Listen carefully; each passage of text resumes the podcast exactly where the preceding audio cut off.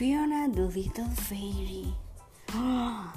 it was Fiona's first day at fairy school and she was so excited. You're going to love it, said her older cousin, Arabella. I can't wait to get my own wings and wings, said Fiona. The cousin waved to Fiona's mom and dad, then set off. Fiona's first class was with Mr. Toadstool.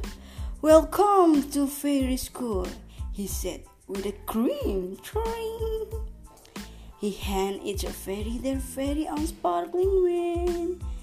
Thank you, it's a treasured it forever, said Fiona happily.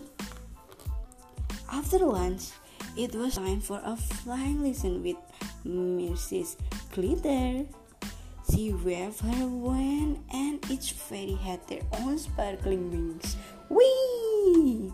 Fiona was so excited that she leaped into the air. You're so natural, cried Mrs. Glitter. Keep going, keep going, kids, keep going. At the end of the school day, Fiona ran out to her family.